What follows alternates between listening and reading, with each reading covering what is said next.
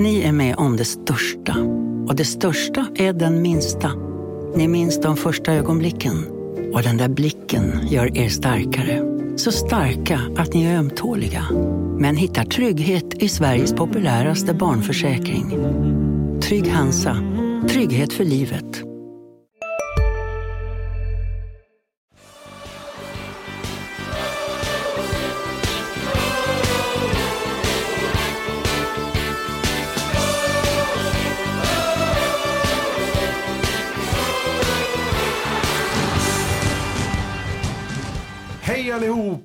Dags för Landskrona Boys-podden igen. Och eh, som ni hör så är det inte Mattias Hjelm som välkomnar er lyssnare utan jag heter Marian Svab och eh, hoppar in för eh, Mattias som eh, vi har skickat på semester till Honduras, Sydamerika. Och detta är faktiskt sant. Och eftersom då Boys har kopplingar till Sydamerika så eh, på vilket, vad tänker jag nu på? Ja, Skånes- Sebastian Rundström, välkommen hit.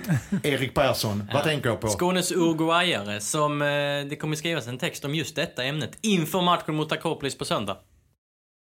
Där hör ni. Eh, Mattias kommer så småningom tillbaka. Eh, men som sagt, idag är det vi som rattar på den här. Eh, vi ska snacka ner eh, matchen senast mot Jönköping Södra. Vi ska prata om lite grann det här med att Boys tycks ha en förmåga, eller ha, tycks ha hur många liv som helst. De eh, är ju faktiskt med i högsta grad och eh, eh nosar på de här platserna som då eventuellt kan leda till eh, spel, eller som leder till allsvenskt spel. Sen ska vi prata Linus här Olsson lite grann. Vi ska prata om en forward som en spetsvärvning, profilvärvning som har haft en ganska ska vi säga strulig säsong men som nu är på banan igen. Vi ska prata om en eh, lagkapten som eh, har lyft och inför helgens match för Akropolis. Ni hör, det finns en hel del som vi bjuder på så häng med. Nåväl, jag själv var på matchen här i tisdags och eh, inför eh, storpubliken, nästan 4000 var vi på plats. Det var rätt stökigt att få en parkering. Kan bero på att alla tog bilen efter, till eh, matchen eftersom det spöregnade. Eh, men de som stod på ståplats, eh, och att det anledningen, det var någon som sa till mig att det var gratis inträde eller någonting. Ja, på ståplats eller något Det sånt. var väl idrott, idrott, idrott jag kan inte prata, det är, det är en nackdel när man Då ska får du inte vara med längre. Nej. Eh, det var väl idrottens dag eller barnens dag eller vad det Det var Ja, väl många barn eh, på plats. som Det var tätt och eh, det regnade på dem men jag tror att de var rätt, tänkte inte så mycket på det. För det Boys bjöd på, eh, framförallt i första halvlek och även Jönköping Södra ska tilläggas. För de kom faktiskt till Landskrona IP till skillnad mot vad vissa andra lag har gjort under säsongen och ville spela fotboll. Vilket gjorde att hela matchen tyckte jag var höll hög klass för att vara superettan. Erik, Sebastian, eh, om vi börjar med er och bollar över till er. Vad eh, tar ni med härifrån? Vad, vad har ni sett när ni har tittat på matchen i efterhand? Um, ja, men mycket. Jag är inne på ditt spår också. Två, två intressanta lag. Eh, de har varit intressanta under hela säsongen. Jag gillar ju den typen av fotboll som de bedriver. Och eh, nu ställde ju Boys upp med ett, eh, ett namnkunnigt lag. Man kunde till och med lämna några spelare utanför matchtruppen och Filip Olsson var tillbaka, Souma Almadjed var tillbaka, klarade bra av första halvlek dock. Melker Heier tyckte jag var fantastiskt bra igen och... och Filip eh, Olsson var tillbaka. Sa, sa jag inte Filip Olsson? Nej, Sa jag inte det? Jag vet inte. du sa Nej, min- Eller sa jag, du jag tyckte jag sa ett namn innan, men eh, min Ja, ja. start i denna podden var inte lika bra som Boys start om man säger så. Eller sa men? Ja, ja. Vi kör på. eh, det var... Eh, ja, men de hade mycket slag, slagstyrka och, och det var väl kanske inte så att Boys dominerade totalt och gjorde sin absolut bästa match, men det var stabilt, gediget och eh, kompetent rakt igenom och kändes, kändes ganska kontrollerat var min eh, känsla i alla fall. Ja, det var ju en eh, period i, i början av andra halvlek som, eh, som Jönköping eh, tryckte tillbaka boys en del och skapade en hel del bra målchanser. Bland annat ett öppet läge som ju är en helt galen miss. miss mitt framför och helt ren med Amor Kadura skott över där. Så, så det var under den perioden i matchen som som boys kanske var lite så illa ute, men annars så eh, håller jag med er båda liksom att boys gör en, en stabil prestation och det är en, en rättvis seger tycker jag till, eh, till slut. Det är alltså, eh, anledningen till att eh, dels så är Jönköping Södra ett, ett bra lag som vi sa va? Och, och de har tillräckligt mycket bra spelare för att vaska fram de här chanserna. Men jag tycker faktiskt att Boys kontrollerar hela första halvlek för det har inte J Södra någonting. Däremot så har till exempel Linus R. Olsson igenom, chippar över målvakten, den rensas under på mållinjen. Där är något läge till i andra halvlek tror jag Hofse har en nick som räddas på mållinjen och sånt. Så att Ja, en, en matchen, säg att den hade slutat 3-2 men att Boys vinner den matchen är helt i sin ordning tycker jag i slutändan. Det var mycket roliga besked. Heijer har du ju nämnt eh, Erik. Jag tyckte om samspelet mellan honom och Kevin Jensen. De hittar nästan varandra skulle jag säga i, natt, säga, i nattmössan, i, natt, i sömnen.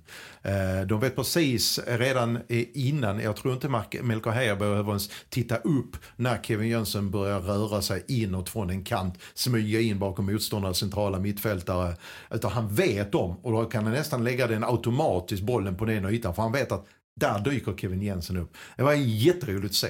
Och jag tycker So- eh, Som Almadjed och Melker Heier hittar någonting också. Tycker Melker Heijer samlar upp en hel del bollar. Vi, Ja, pratar, han. vi pratar ju ofta om honom som en offensivt skicklig spelare och det är han ju. Men han var faktiskt bra defensivt också. Låg, låg ofta rätt i positionsspelet och eh, agerade lite dammsugare stundtals tyckte jag. Klok. Om vi stannar kvar vid, vid Heijer så gör han ju en... Eh, alltså han, han är ju väldigt finurlig. Han hittar ju in på små ytor. Han, han är skicklig på... Ja men om man kommer och möter så, så tar han med sig bollen i, i en vändning och så breddar han ut på andra kanten. Han, han eh, på de här små ytorna inne eh, framför eh, motståndarnas backlinje så är han ju väldigt skicklig på att hitta instick till sina medspelare och sen också eh, ja, men ta sig ur eh, med en, två, en tvåfotsdribbling här och där liksom för, att, för att ta sig ur trånga situationer. Så, eh, så nej, han, han gör en eh, väldigt, väldigt bra match. Man har ju sett betydligt erfarna, mer erfarna spelare som varken har modet eller, utan spelar safe i det läget. Alltså han har ju ett mod också faktiskt. Att det är inte alla som vågar liksom sticka in bollen där det är mest som mest trafik. Och- med och- risken för att få en omställning på sig. Och i en sån, eh, sån här match, nästan 4000 på läktaren, han har inte varit i närheten av att spela inför så här mycket folk och så går han ut och gör det. Han är, han är väldigt cool, både på och utanför eh, planen. Jag och Sebbe snackade om det innan när han gjorde sitt livs eh, andra intervju, eh, som jag då fick äran att göra med honom i vintras någon gång. Och han, det var ju som, han, som om han hade gjort 100 intervjuer tidigare. Allt var liksom självklart. Och det, det, är- det är självklart när han är på fotbollsplanen också. Så det är en, ja, det är verkligen ett framtidsnamn. Han är, han är riktigt bra. Eh, det är rätt, Jönköping Södra skapade, hade sin bästa period i inledningen av andra halvlek. Eh, det var kanske också lite grann för att jag vet inte hur eh, Landskrona tänkte i det läget. För att man är ganska bekvämt även när man försvarar med, eh, eh, med sina mittbackar, då Murbeck och Filip Andersson. När de är som de är så, så, så spelar på den nivån så är det en av seriens bästa mittbackspar tycker jag. Va? Så jag, jag vet inte om de bestämde sig medvetet eller omedvetet, jag är inte säker på det. Att ja, men vi börjar lite mer tillbakadraget i andra halvlek, sen jobbar vi oss in. Men det kunde ju kostat faktiskt ju. Eh, den andra grejen där, på tal om att eh, på eh, forwards. Det är ju att Hofse, eh, Linus Olsson, de, de drar ju, de, med sin löpvilja och löpstyrka så trycker de ju ner motståndarnas backlinje. Vilket gör att hela boys kan lyfta upp. Det, det, de två är ju också jätteviktiga i första pressen. Här. Och Kevin Jensen som Och är en väldigt Kevin bra Jensen, pressspelare. absolut. Så alla är faktiskt bra i den Ja, genren tycker jag. men alltså när väl boys har äh, bollen då, då sticker ju oftast Hofse och Linus. Alltså vi såg ju flera genom Linus Olsson innan han gjorde sitt äh, 2-0 mål hade ju Eh, eh, bland annat den här när han kom fri första halvlek och sticker. Så där kommer ju de här, de kan växla i anfallsspelet mellan det långa spelet eller som ni snackar, vi pratar om insticken. Det är faktiskt en styrka där nu att man har hittat en, eh, ett, eh, höll på säga, en variation. Ja, och de lyckas komma in lite i varandras ytor. Alltså man växeldrar lite grann. Eh, gör, gör lite mer diagonal löpning av sig. Så det blir ett väldigt flytande och, och skickligt anfallsspel på det sättet. Ja, det är en helt annan tyngd med Linus R. Olsson eh, på, på planen. Nu har han gått till höger. Det har han inte gjort många gånger förr. Var väldigt, väldigt bra mot Trelleborg. Var bra nu också. Eh, Oskar Petersson har ju blivit åsidosatt. Eh, han, han, eh, han har ju varit lite vek där framme. De har, de har saknat Linus R. Olsson under säsongen och han har ju inte spelat extremt mycket men har eh, producerat på den vad korta bety tiden. Vad betyder det Erik att man faktiskt har nu de där två spelarna som i princip kan springa igenom en vägg, ett omklädningsrumsvägg för att nå en boll nere vid en hörnflagga? Ja men det är så som boys spelar, de vill kunna vara aggressiva, lyfta backlinjen och så vidare och då börjar det ju eh, från de här forwardsen, Hofsö, Linus R. Olsson, Kevin Jensen och så vidare. Och sen så rent eh, rent eh, offensivt så, Linus R. Olsson är ju, det är en riktig forward. Han är farlig på sista tredjedel, tredjedelen och där skiljer han sig åt med Oskar Petersson som i grunden är en, är en innermittfältare och kanske har sina främsta utvecklingsområden i sista tredjedelen. Så att de, det är ju två olika profiler och det har blivit en positiv effekt för boys här. Eh. Sen ska vi tillägga också att Oskar Petersson har haft eller har, eh, lite liksom skadekänningar. Han spelar bara en halvlek i u matchen vilket indikerar eh, det. Eh, så att eh, det ska vi ha med oss också. Men eh, Linus Olsson har kommit tillbaka väldigt starkt. Och han vet, vad, det är en anfallare som vet, i och med att han är, som ni säger, en eh, forward ursprungligen. Han vet precis vad han ska göra när han får chanserna. Eh, alltså det är ett väldigt bra avslut han gör i första halvlek när han chippar över målvakten och sen vid 2-0 målet, han vet precis vad han ska göra när han kommer i det läget. Han har ju någon i bakhasorna, en av deras backar. Men han stoppar in det precis där det finns en lucka vid första stolpen. Eh, Sebastian, om man säger så, det är väldigt hypotetiskt kanske det här men var hade Boys befunnit sig idag poängmässigt och tabellmässigt om Linus. Olsson hade spelat hela säsongen?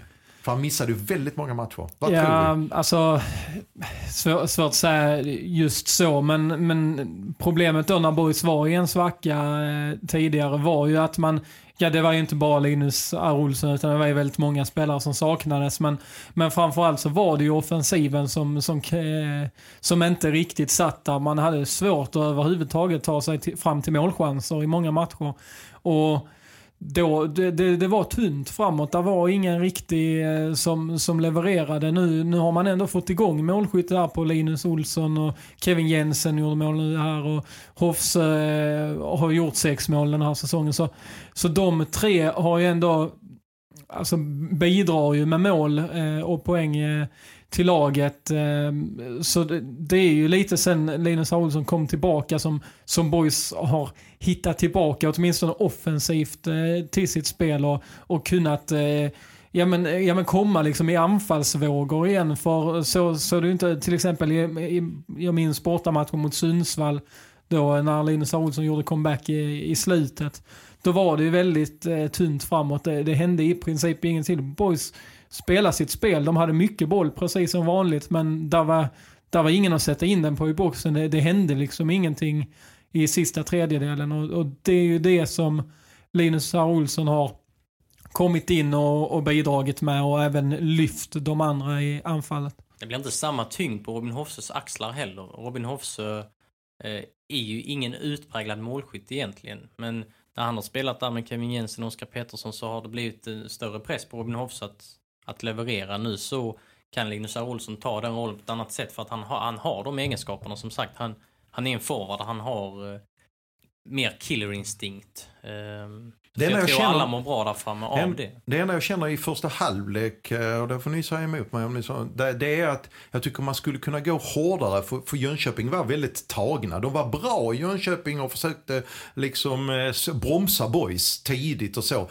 Men jag tycker att å, i återerövningsspelet, där tycker jag eh, boys skulle gått på hårdare.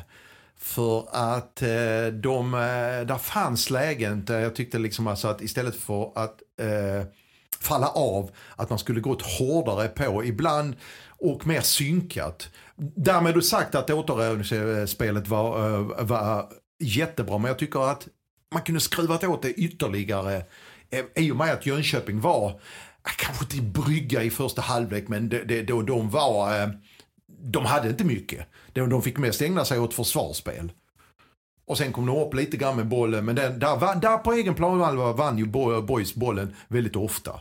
Men längre fram tänker jag planen. Ja, alltså det, då hade man kanske också sluppit, alltså om man tryckt på lite, lite till, eh, då hade man kanske kunnat få in ytterligare något mål och då sluppit den här lilla stressen som, som det ändå blev när Jönköping växte in i matchen eh, där i början av andra halvlek och, och tog över lite mer av spelet. Det, det syns också att eh, J Södra är någon form av ingenmansland i tabellen. Eh, de lär väl sluta där, någonstans i mitten och ha en... Jag har bara fyra poäng, fem poäng ner till eh, kval, ja, negativt kval. Det är ju tajt ja. Ja, Boys har inte säkrat kontrakt heller, väl?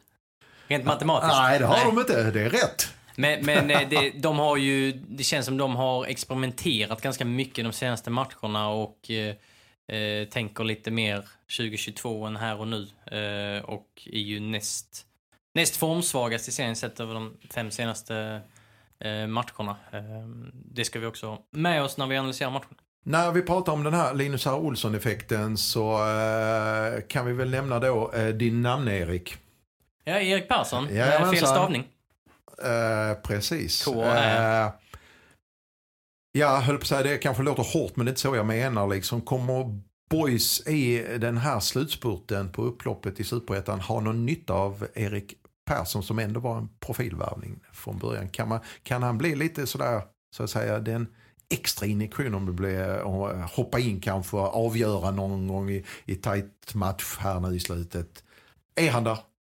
Ja, det är nog för tidigt att säga nu. Eh, det har ju varit en följetong under hela säsongen. Han har, han har spelat i tre superettan-matcher. Eh, hunnit med en assist, men det har, det, har varit, det har varit inhopp. Han har knappt spelat någonting. Det har varit eh, ihärdiga skadeproblem. Nu så spelar han 45 minuter i onsdag, onsdagens eh, u match mot Trelleborg. Kom in i andra halvlek eh, och fick känna på det och eh, eh, inga bakslag än så länge. Så att han är nog aktuell att vara med i truppen mot Akropolis. Och är han inte med i truppen då så konkurrerar han nog på allvar mot Öster. Eh, det är nog som mest en joker i leken. Det finns ju Niklas Nielsen och Viktor Ekblom där också. Viktor Ekblom är gjorde också comeback i u matchen eh, Niklas Nilsson har inte fått jättestort förtroende så att eh, eh är, är Erik Persson frisk så tror jag att han kommer få några minuter under de sista eh, matcherna här när det ska avgöras. Kan han verkligen göra någon impact, ha någon impact på det här eh, Sebbe?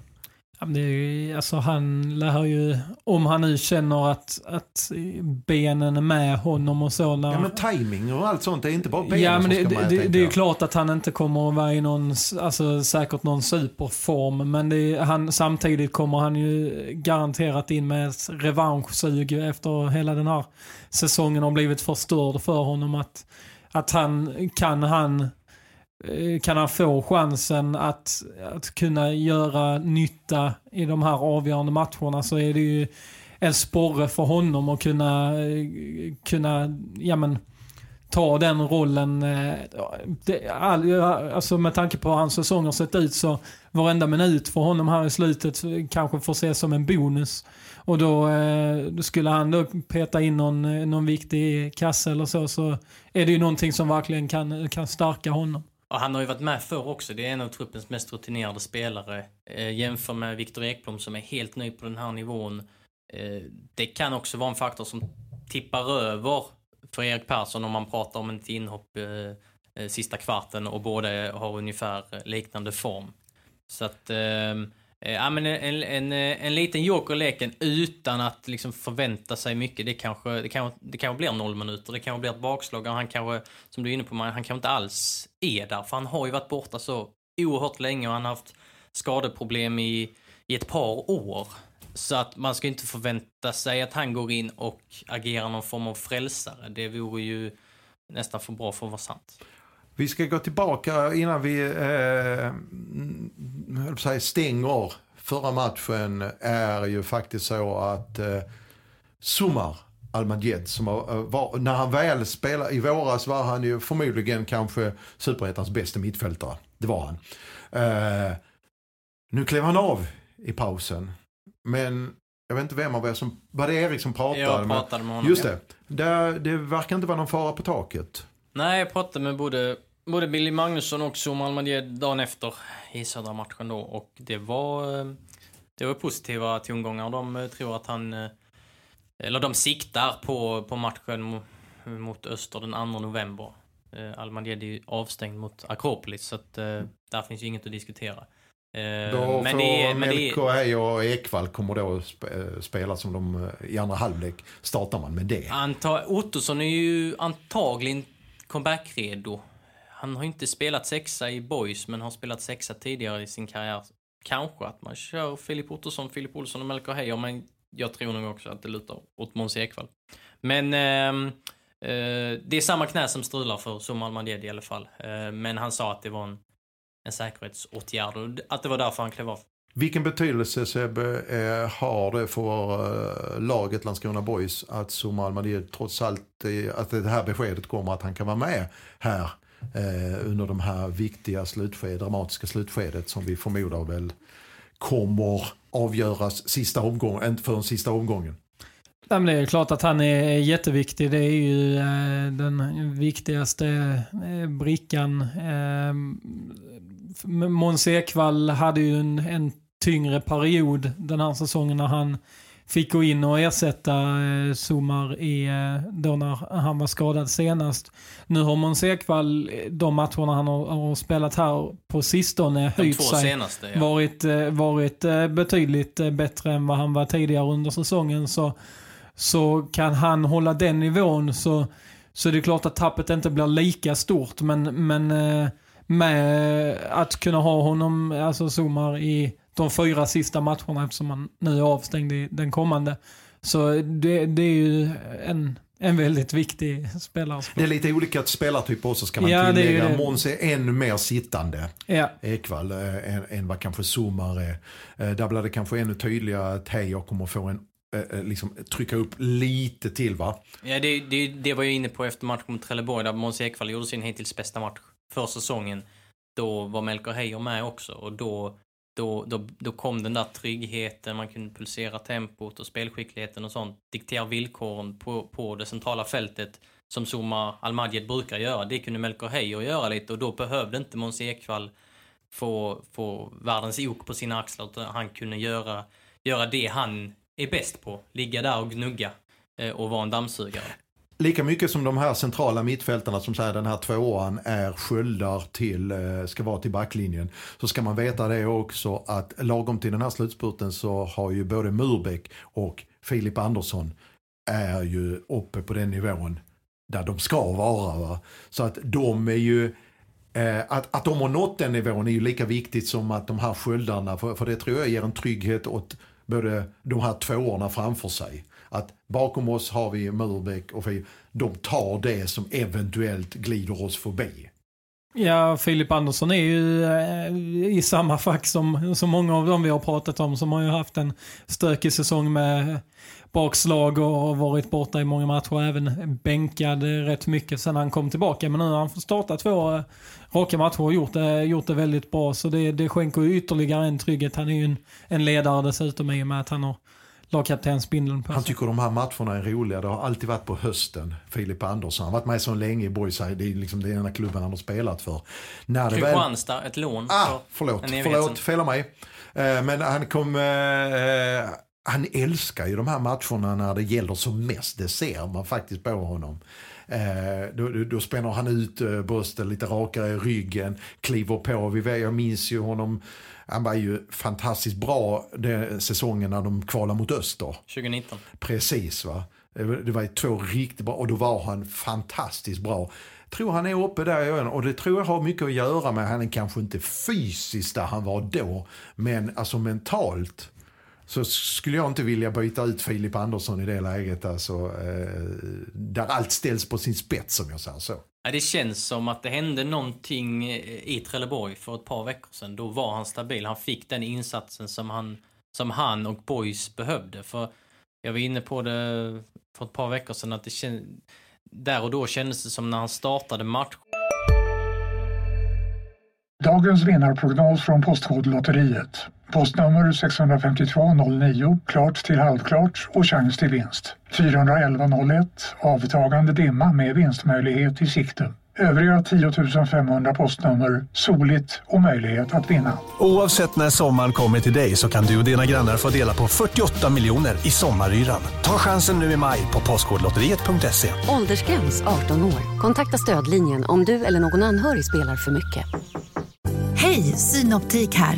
Visste du att solens UV-strålar kan vara skadliga och åldra dina ögon i förtid? Kom in till oss så hjälper vi dig att hitta rätt solglasögon som skyddar dina ögon. Välkommen till Synoptik. Och så, så kom han inte riktigt in i det. Han gjorde ofta stabila inhopp när han kom in som en tredje mittback med kvarten kvar. Typ. Men nu, eller mot Trelleborg, så gjorde han 90 minuter som var stabila rakt igenom. Och, och, och nu gjorde han det igen. Så att det känns ju givet att fortsätta med honom som läget är, läget är nu. Och det ska, eh, en sak till bara från J Södra-matchen på tal om det du är inne på Erik. Alltså det, Viktor Wihlstrand kom in som sattes in som tredje mittback. Där måste jag lyfta tränarna eh, fingertoppkänsla. Eh, då, han kommer in där i den och då stänger Boys matchen där ju. Och det har de gjort förr. Det har de gjort förr och det funkar jättebra. Eh, och, och det är ett sånt taktiskt drag som eh, jag känner att tränarna eh, eh, har koll för alla situationer och eventualiteter. Sen kan man ju inte gardera sig för allt som tränare, men det finns verkligen, okej, okay, om det står 1-0 i det läget, eh, vad gör vi då för att säkra det med 10 minuter kvar? Ska, ska vi gå upp eller ska vi dra in en mitt? Alltså de har fullständig koll, tycker jag. Ja, det med bytena. Och det finns ju lag som, som tar in en tredje mittback bara för att de tänker att ja, det löser sig. Men de tränar aldrig på det. De pratar aldrig om hur mm. de ska göra. För det handlar ju om, om att ta, ta nya ytor och så vidare. Och, och ja, men, nya ja, arbetsytor. Eh, men boys, jag frågade Billy Magnusson, tränaren, om detta. De har inte tränat överdrivet mycket på det. Eh, men eh, tillräckligt, uppenbarligen. För detta har de gjort under hela säsongen. Det kunde de göra i ettan också. Och de, i år har de inte släppt in något spelmål när de har gjort det draget. De släppte in de där två hörnmålen mot Trelleborg, men de har inte släppt in något spelmål. Jag, jag håller med dig att det är, det är fingertoppskänsla, det är matchcoachning när, när den är som allra bäst. Jag, jag tycker också, det, det, det, det, spelar ju såklart in roll att de här tre känner varandra väldigt väl, för de har ju spelat i olika konstellationer med varandra. Eh, det är ju betydelsefullt såklart. Det är, eh... Ja, sen passar de ju ofta, för ofta när man tar in en tredje mittback så är det när eh, när motståndarna trycker på och kanske tagit in en stor pjäs Kommunikationen blir kanske ja, vajs eller ja, någonting. Ja, men och, och Viktor Wihlstrand, Filip Andersson och Andreas Morbäck älskar ju det spelet. Alltså, de älskar ju när motståndarna skickar in långa bollar i, i straffområdet. Så det är ju spelartyper som passar i det spelet också. Ska vi stänga den matchen då? Eh, vi har pratat, eh, nu vann de eh, den här matchen. Eh, det var tung den här seger. Innan dess har väl, eh, nu kommer väl en bortamatch, men eh, vi pratar om det här med att boys hittar ett sätt att klamra sig fast vid. Eh, eh, man, när man tror att ah, nu går de på semester nu, välförtjänt semester, har fixat det nästa år i superettan så hittar de de här nya andningshålen som ni, som ni vi var inne på i eh, en del. Eh, mm, hur går det till? ja, det, jag tror att det handlar om att Eh, de har en så pass tydlig modell. Eh, de satte en ram i januari 2019 och den är, den är tydlig på många sätt och vis. Jag menar, de har bytt målvakt i år. De har inte haft någon riktig högerback fram till nu. Det känns som att Johan Rapport verkligen tagit den platsen. Bytt mittbackar och det har varit en evighetslång lista med skador och och den största prestigevärvningen av alla, Erik Persson, eh, har knappt spelat någonting och det pratade vi om inför säsongen att det är, det är ett frågetecken som måste bli ett utropstecken, eh, vem som ska spela som nummer nio och även målvaktsposten och det har ju faktiskt inte blivit något utropstecken av varken Erik Persson eller, eh, Svante Hildeman och Amor Kadura. Och ändå så är de här och jagar en, en allsvensk plats. Eh, de, de, de hittar nya sätt hela tiden. Eh, Vi har För några som- veckor sedan kändes det som att de... Stod i denna matchen Ja. igen. Eh, Man har bytt målvakt, alltså det hör till ovanligheterna. I hockey kanske man gör det, men i fotboll byter man inte så ofta. Eh, Och Amokadora, eh, det kanske låter hårt, men han har ju till exempel kostat poäng i derbyna mot HIF och så vidare. Va? Och Brage kan man också hävda. Ja, precis. Och sen eh, Och Svante Hildeman mot. Sundsvall och tre, första hörnmålet mot Trelleborg. Kollar man där på målvaktsspelet, så, ja, som du säger, det har kostat poäng. Och ändå så är de där och man har ingen, man har ingen eh, jätteutpräglad målskytt. Alltså det, är, det är Robin Hoffs och Linus Olsson som, som står på sex mål. Eh, det är, ja, jag tycker det är imponerande och Suma Almadjed har vi pratat om hur monumental han är för spelet. Han har, han har ändå varit borta, vad är det han har missat? Sju, åtta, nio matcher kanske med avstängningar Är det så enkelt Sebbe som Erik säger att det är systemet som är stjärnan i Boys? Ja, det är, eller enkelt är det väl inte så, men, eh, men alltså det är väl en, en stor del i förklaringen. För eh, tittar man på, det, det har ju eh, konstigt nog inte varit så pass ovanligt att nykomlingar eh, i Superettan har, eh, har hängt på i toppen. Akropolis kom väl femma förra säsongen och sen har vi ju både BP och Mjällby som har rakt upp. gått, eh, gått direkt upp och det, det, det svänger så. Varberg gick upp eh, säsongen efter de hade kvalat sig kvar. Men det är rätt att två nykomlingar ligger med Ja, så här. Det är väl, det, det, det är jag tror inte har hänt. väldigt, väldigt ovanligt. Och, och, alltså normalt sett när en nykomling kommer upp och, eh, och eh, ja, men lyckas. Så då, det, för att det ska, ska bli så, så så krävs det ju att lite att allt studsar rätt. För man kommer från en lägre nivå. Och, Ofta har ju inte nykomlingar i Superettan eh, några jättemuskler och, och förstärka truppen med och så. så då är det ju viktigt att man har en, en struktur och ett system som man tror på och, och som man håller sig till. För det är ju det som har gjort att de har tagit sig upp i Superettan. Många lag ändrar ju sig och, och backar hem och är ju inte vana vid, vid det spelsättet eh, eftersom man har varit ett offensivt lag i, i den lägre divisionen. Så att, att, eh, att tro på sin idé har ju visat sig lyckosamt för, för alla de här klubbarna som har gått upp, eh, alltså tagit två steg på två säsonger. Och, eh, Eh, just för boys då så har, har det ju inte varit så att allting har klaffat. Utan det har ju snarare varit så att väldigt lite av, av de här yttre faktorerna har, har ju gått boys väg. Det, som Erik snackar om. Målvakter, ingen utpräglad målskytt, eh, skadad skärmvarvning och och eh, ja men alla, alla skador och att man inte, att man laborerat med många positioner så, så eh, hade, hade det här laget fått hela säsongen ihop, alltså utan en massa eh, problem på vägen eller vad man ska säga så, så hade det varit väldigt intressant att se hur, hur långt det hade kunnat bära. Och i ärlighetens namn ska man veta också alltså att eh, det finns ju inget sånt här, okej, man får ändå ge Värnamo, men alltså det, det finns inget sånt här, alla topplagen har svajat under säsongen. Eh, Sundsvall ett tag, HIF ett tag.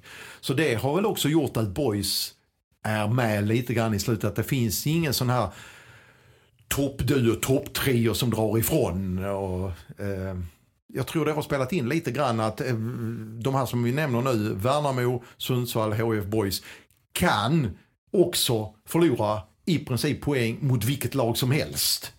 Man städar inte av eh, eh, motståndet lite hur som helst. Och det tror jag har hjälpt Boys framförallt. Som hade en streak med många bortamatcher där man inte fick resultat med sig.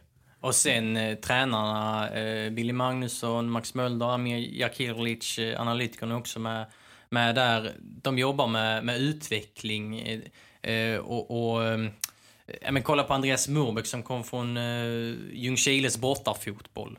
Det var många som var tveksamma när han skrev på för Boys och, och tyckte att eh, Boys hade varvat ett träben. Nej, det, han, han fick några månader och sen kom han in i systemet och har varit en av en av seriens bästa backar. Så att de jobbar ju på ett sätt där de, där de tar ut väldigt mycket av, av spelarna. Och då, då funkar det att eh, Viktor Ekblom, som i princip bara spelat division 2-fotboll tidigare, kan gå in och göra jobbet. Niklas Nielsen och så vidare. Och så har man ett, ett starkt kollektiv. Jag, jag, jag tror det är bra go i omklädningsrummet. Då. Och då hakar jag på där Erik, för där finns ju en följetong under i princip hela säsongen som skulle kunna störa vilket lag som helst. Surret kring en sån som Kevin Jensen. Som i princip redan placeras i en allsvensk klubb att det ska vara klart till nästa säsong. Hur tycker du Sebbe att man har hanterat det? För det, skulle, det är ju en eh, faktor som kan stöka till det rejält i en sån här grupp.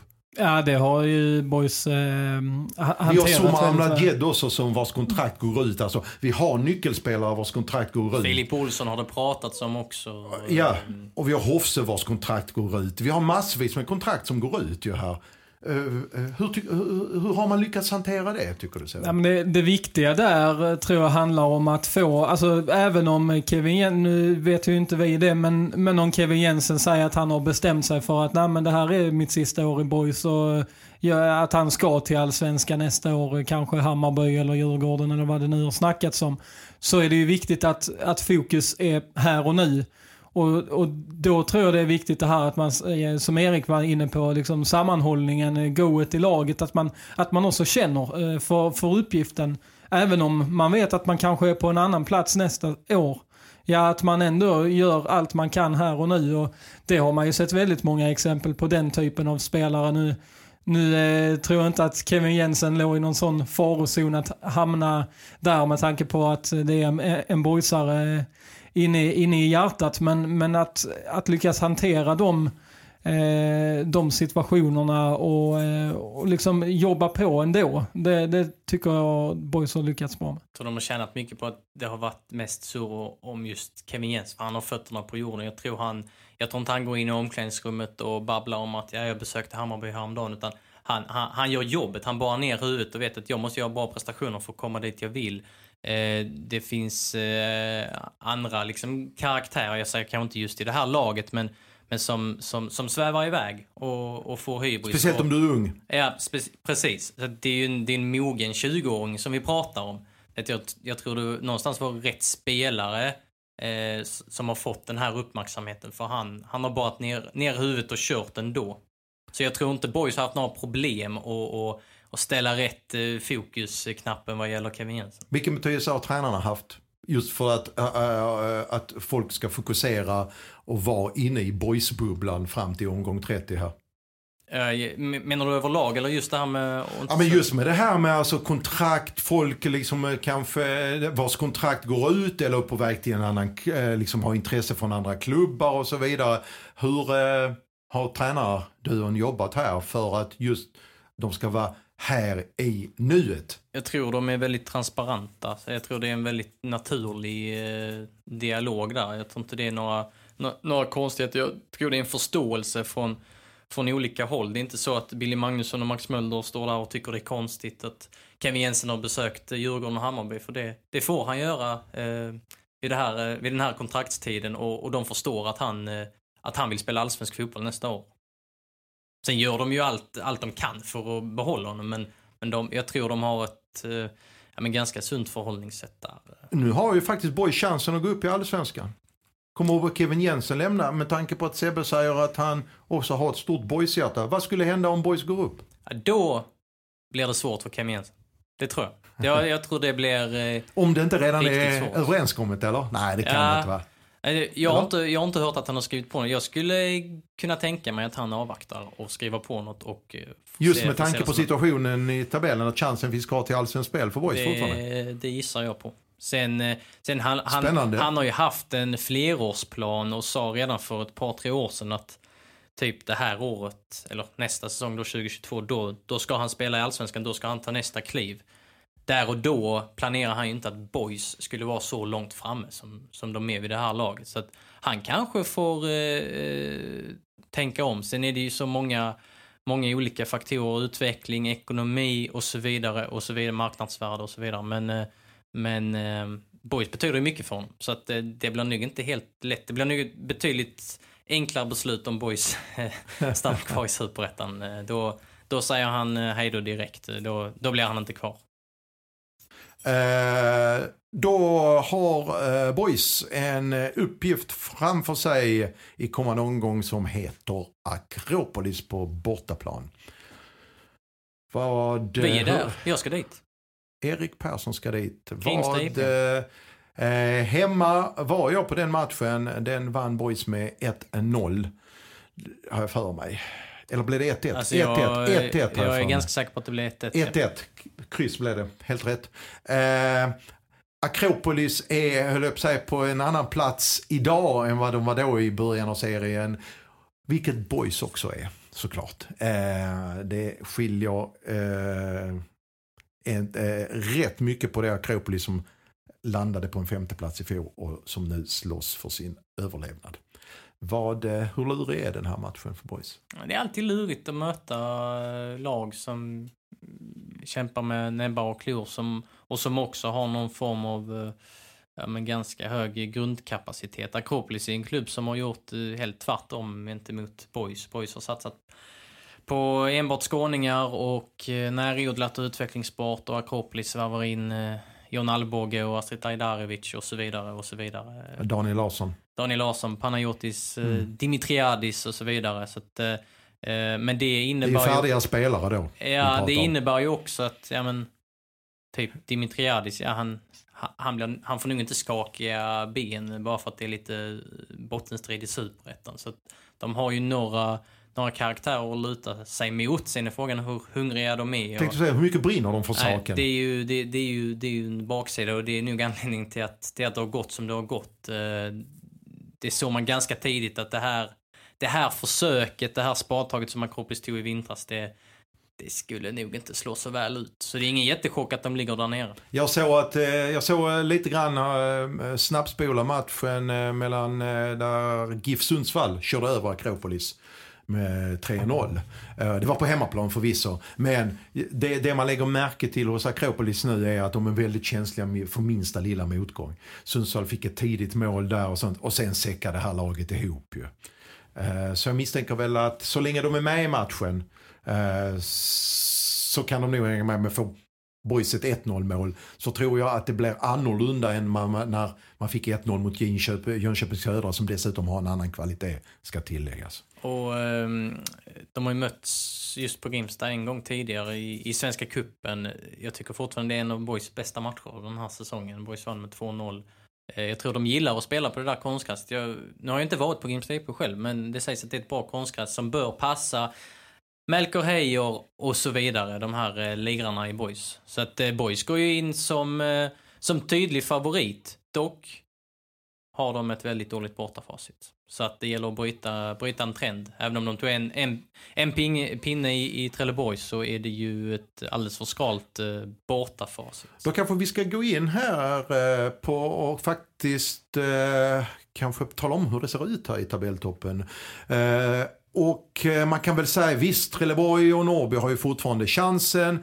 Men som det ser ut idag så är det fyra lag om eh, två direktplatser till allsvenskan och en eh, tredjeplats som ger möjlighet att kvala sig upp. Där har vi då Värnamo på 50 poäng, Sundsvall på 47, HIF på 43 som har den här kvalplatsen och så då Boys 4 på 41. 15 poäng kvar att spela om. Sebbe, om jag säger så här. Två av de här lagen kanske spelar med ett helt annat favorittryck på sig. Jag tänker på Sundsvall HF än nykomlingarna Värnamo och Boys. Vad betyder det i Boys fall speciellt att man kan känna eh, liksom att man går in med den här är det eh, positiva känslan kanske att äh, det är de framför oss, två lag framför oss som har satsat enormt som har pressen på sig. Eh, där, där finns nog en, en vilja i, i boyslägret att vilja knäppa HF på näsan till exempel. Och sen så, det, det har ju varit eh, genomgående ända sen, sen boys då befäste sig i toppen och, och man förstod att det kommer inte att handla om någon nedflyttningsstrid. Så har det ju varit en allt att vinna-känsla i, i boys. Så då har ju flera spelare själva vittnat om att, att eh, ja, men man vill se till att verkligen ge sig själva chansen. Sen är det inte säkert det, det går hela vägen, men, men man vill ju inte slarva bort chansen eh, genom att göra dåliga prestationer och så. Och det, man, man behöver ju inte spela med någon press på sig.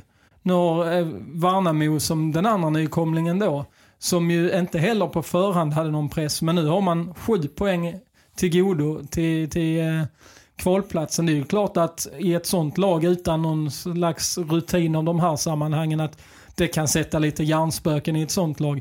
Boys är ju ett lag som jagar. Det är ju betydligt eh, skönare mental eh, position för dem än vad det kanske är för Värnamo, även om, om eh, Värnamos eh, situation är är eh, otroligt eh, gynnsam för dem givetvis med det avståndet. Men, men det är ju lite skilda, skilda mentala förutsättningar inför de fem sista omgångarna. Ja, Boys har nästan varit uträknat. Med alla flera gånger, och så, flera och så, gånger om. Och så som formen har varit så det är många som har tänkt att de slutar väl femma, sexa till slut då. Vi ska tillägga här kanske, för, innan vi fortsätter resonemanget här, är att Boys resterande program Öster hemma, eh, efter då Akropolis borta. Eh, sen är det en bortamatch som väntar mot Örgryte. Sista hemmamatchen, om det inte blir kval, men i superettan, är Vasalund. Och sen avslutar Boys på bortaplan mot AFC i Eskilstuna. Va... Hur ser det här restprogrammet ut tycker ni? Ja, det är inga, eh, det är inga topplag och det är inga, det är inga på pappret. Eh, alltså, det, det kunde ju varit värre om man säger så. Eh, Öster är ett lite lurigt lag att, att möta förvisso. Eh, och Vasalund är ett lag som definitivt eh, slåss med näbbar och klor i botten. Men eh, är det alltså, om man tänker Värnamo och HIF ska mötas och, och så här så är det ju det är ju i förhållandevis gynnsamt eh, spelschema för Boys givetvis. Ja, och Öster är betydligt bättre hemma. Och BoIS Boys har stött på Öster de senaste åren och hanterat det bra. Ehm, så att jag tror det är en motståndare som man kommer att trivas med på hemmaplan. Sen eh, sista omgången mot AFC Eskilstuna, eh, det är ju ändå ett av seriens bästa hemmalag. Jag kollar eh, på hemmatabellen här, här och nu så att jag inte höftar med någon åsikt som inte stämmer. Men de är fyra i hemmatabellen. Svajat lite på hemmaplan på sistone, men ehm, Hänger väl lite grann ihop med om de har någonting att spela för där också kan man tänka sig. Ja, precis. Om Boys har fortfarande en möjlighet då. Och, det är ju det är ett lag som kan vara med i bottenstriden där, men det kan också vara att de är ingenmansladdning för inför sista omgången. Så. Det är ju en annan slags fotboll nu som kommer att vänta de sista fem omgångarna. Eh, vet ju Sebbe som spelar på en lägre nivå. Planerna är inte direkt, jag på eh, kanske alltid anpassade för fotboll. Vi har det vädret, det klimatet vi har och så. Hur tror ni, jag ställer frågan till er båda här, hur tror ni sättet boys spelar fotboll på eh, fungerar under en rätt, vi vet hur omständigheterna är i Sverige som sagt när det ska avgöras. Eh, vissa i bottenlag eh, krigar för att hålla sig kvar, för att överleva. Hur väl kommer den här Eh, sättet Borg spelar på passar. Två konstgräsmatcher i alla fall. Eh, vilket eh, jag tror att de tycker om. Eh, och sen så har man ju jag förstår frågan, men man har, man har ju också några som, som nog gillar, gillar det här lite mer fysiska spelet. Alltså mittbackarna, Robin Hoffs och så vidare. Så man kan ju, man kan ju vrida på vissa saker och kanske lägga någon boll eh, bakom, bakom backlinjen som Hoffs får, får springa på. Ja, men det såg vi vid 2-0 målet mot Jönköping. Det var en ja, till det var Linus Olsson menar du? Ja, precis. Ja, ja, ja. Um, men även i det mer uppställda spelet kanske så. Men uh, att jag, jag ser väl inga jättevarningsklockor som, som ringer. Alltså i början av säsongen så eh, när det var uh, ja, men tal om vem som skulle starta som mittback skulle det blir ju Viktor Wilstrand och Murbeck i, i premiären mot Värnamo. Rapp var ju ganska het där, men, men valdes väl lite bort på grund, lite på grund av underlaget och att man mötte en väldigt stark forward i Crespo Camara där och då så gick Murbeck och Wilstrand före. Så att man har ändå lite att laborera med där och det har man gjort ibland eh, när det har varit ja, men, yttre omständigheter, underlag och väder och så vidare som, som har påverkat. Nåväl, eh, någonting att tillägga mina herrar? Nej, inte. Det känns som vi har gått igenom det mesta.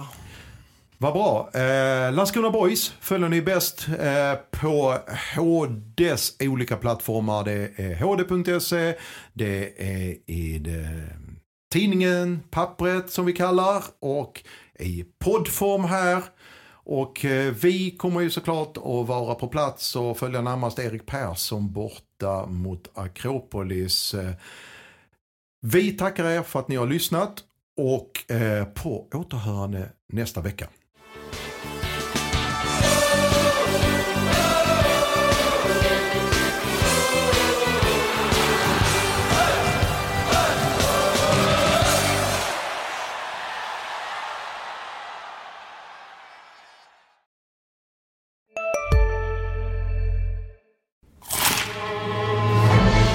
Upptäck det vackra ljudet av McCrispy Company för endast 89 kronor. En riktigt krispig upplevelse. För ett ännu godare McDonalds. Just nu till alla hemmafixare som gillar julast låga priser. En slangvinda från Gardena på 20 meter för vattentäta 499 kronor. Inget kan stoppa dig nu.